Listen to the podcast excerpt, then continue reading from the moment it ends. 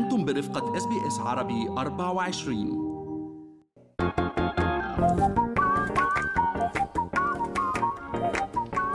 شو في ما في من حول العالم. ومنبلش بأول طب نحكي أسمائنا ولا خلاص؟ كريستال باسيل. Good Morning أستراليا صباح الخير لكل المستمعين. أنا كريستال باسيل. أهلا وسهلا فيكم. هذا بودكاست منوعات من Good Morning استراليا راح نبلشوا بخبر هالطفلة اللي خطفت أنظار العالم. كريستال أكيد سمعتي بالخبر وشفتيه. طفلة ولدت من تحت الأنقاض. يعني حتى لما آه، سمعوا صوت سمعوا صوت آه، صراخ وبكاء طفلة. اكتشفوا إنه هالطفله ولدت والدتها فارقت الحياة. كانت بعدها مرتبطة بالحبل السري بوالدتها. هالطفلة نجت الحمد لله بصحة جيدة واليوم في تطورات على هالموضوع. بالفعل عرض آلاف الأشخاص تبني هيدي الطفلة اللي ولدت تحت أنقاض مبنى منهار بشمال غرب سوريا بعد زلزال اللي آه، حصل يوم الاثنين. وعند إنقاذها كانت الرضيعة اللي سميت آية لا تزال مربوطة يا. بحبل والدتها السري. يا حرام. هالطفلة بالمستشفى حاليا. الطبيب اللي عم بيشرف على حالتها بيحكي هنا وصلت بحالة سيئة. تعاني من كدمات وجروح باردة بتتنفس بصعوبة. عم نحكي عن ظروف مأساوية يعني وظروف جوية قاسية جدا ولكن لحسن الحظ الفتاة الآن بوضع مستقر. آه، هالفيديو يعني أكيد خطف أنظار وقلوب العالم. أخذ أحد أقارب العيلة حكى أنه كان متواجد خلال عملية الإنقاذ وحملها إلى الطبيب في مدينة عفرين. وعلى مواقع التواصل الاجتماعي عرض الآلاف تبني آية وكتب أحدهم آه، أحب أن أتبناها وأن أمنحها حياة كريمة. يا. وسألت المذيعة الكويتية آه، عن الإجراءات القانونية اللازمة لتبني الطفلة. صحيح عم نحكي عن مذيعة الكويتية حليمة بولند آه، يعني اليوم هذا حديث ال social media أغلب الظن أنها رح تكون أو رح تضل متواجدة آه، بسوريا مع أحد أفراد العائلة الممتدة. بعرف في عائلات للأسف يعني الله يرحمهم جميعا طمروا تحت الركام بهالزلزال. حصيلة القتلى مرشحة للارتفاع كمان مرة. كانت في بداية البرنامج آه، حوالي 20 ألف و450 قتيل حوالي للأسف. 17 ألف منهم في تركيا. للأسف آه، فارس.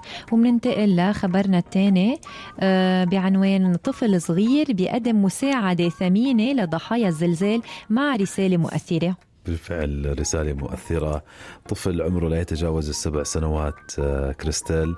لفت أنظار العالم بهالمساهمة الحلوة بالمساعدات الثمينة.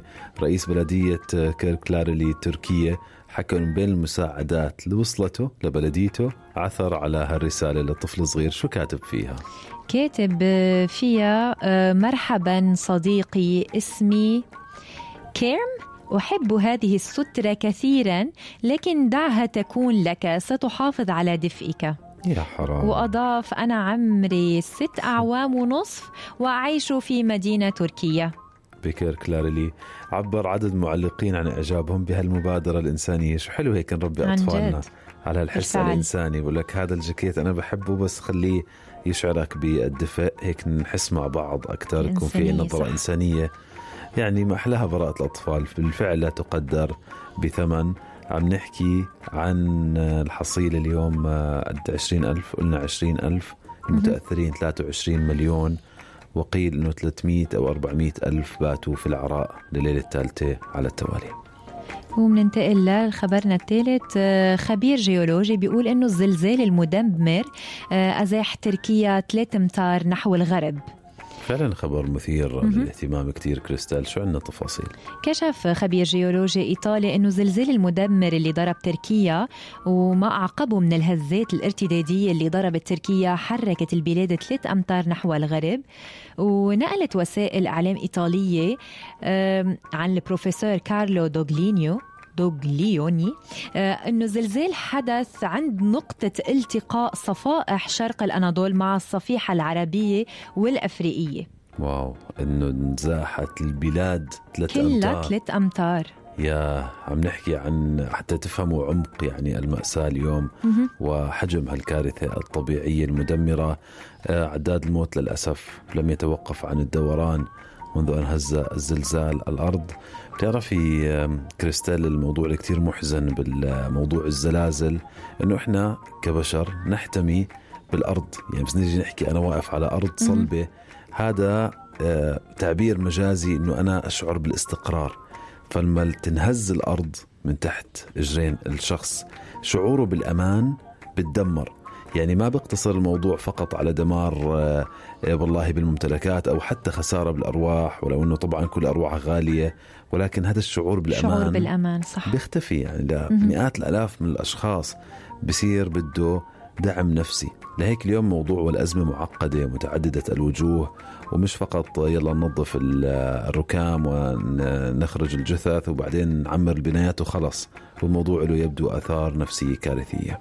بالفعل فارس. وخبرنا الأخير هو عن هيدا الموضوع أنه ما بعد الصدمة كيف بيعاني الناجون من الزلزال من اكتئاب يمكن أنه يمتد لأربعين سنة؟ يا حرام يعني طبعا هالزلزال خلى كثير صحفيين حول العالم يكتبوا عن هالوجوه المتعددة لهاي الأزمة. تقرير ودراسة علمية تحدثت عن متلازمة ما بعد الصدمة وأعراض الاكتئاب على الأقل لست سنوات للناجين من زلزال تسونامي بشرق اليابان بعام 2011 إذا بتتذكري. ظلوا يعانوا لسنوات طويلة. وتناولت الدراسة حالات آه، حوالي 2700 من كبار السن اللي كانوا عم بيعيشوا بالمجتمع الياباني واللي تعافى ما يقارب من نصفهم فقط بعد ما عانوا أعراض الاضطراب للصدمة والاكتئاب بعد هيدي الكارثة. ف بعد 37 سنة من زلزال كمان في في العديد من من الأمثلة عن هذا الموضوع اللي بيأكد إنه الناجون من كارثة الزلزال هن بحاجة كمان لمساعدات نفسية بنفس أهمية وضرورة ضرورية المعونات المادية والإنسانية والطبية لتخفيف المعاناة من مشاكل الاكتئاب اللي يمكن إنه تمتد ما بين الخمسة والأربعين سنة. إذا ما تم معالجتها طبعاً. والله موضوع بالفعل بحزن. يعني كنا معاكم خلال هذا الأسبوع لحظة بلحظة بكل التطورات بتقارير ميدانية من سوريا من تركيا. إن شاء الله نكون رسمنا لكم صورة دقيقة عما يحدث قلوبنا وفكرنا وصلاتنا. أكيد رح يضلوا مع أهالي الضحايا مع الناجين مع اللي ضرروا جسديا ونفسيا. قلوبنا مع كل شخص عايش هنا بأستراليا عنده أهل أو أصدقاء. الآن اليوم عليهم كثير الآن على مصيرهم. إحنا هون كلنا عائلة واحدة الجاليه العربية. بتمنى يضل هذا المنبر. آه، هيك فسحة من الأمل مهما كانت الظروف هيك حالكه ومظلمه رح نضلنا إحنا معاكم كل يوم من الستة للتسعة هل تريدون الاستماع إلى المزيد من هذه القصص؟ استمعوا من خلال Apple Podcasts، Google Podcasts، Spotify أو من أينما تحصلون على البودكاست.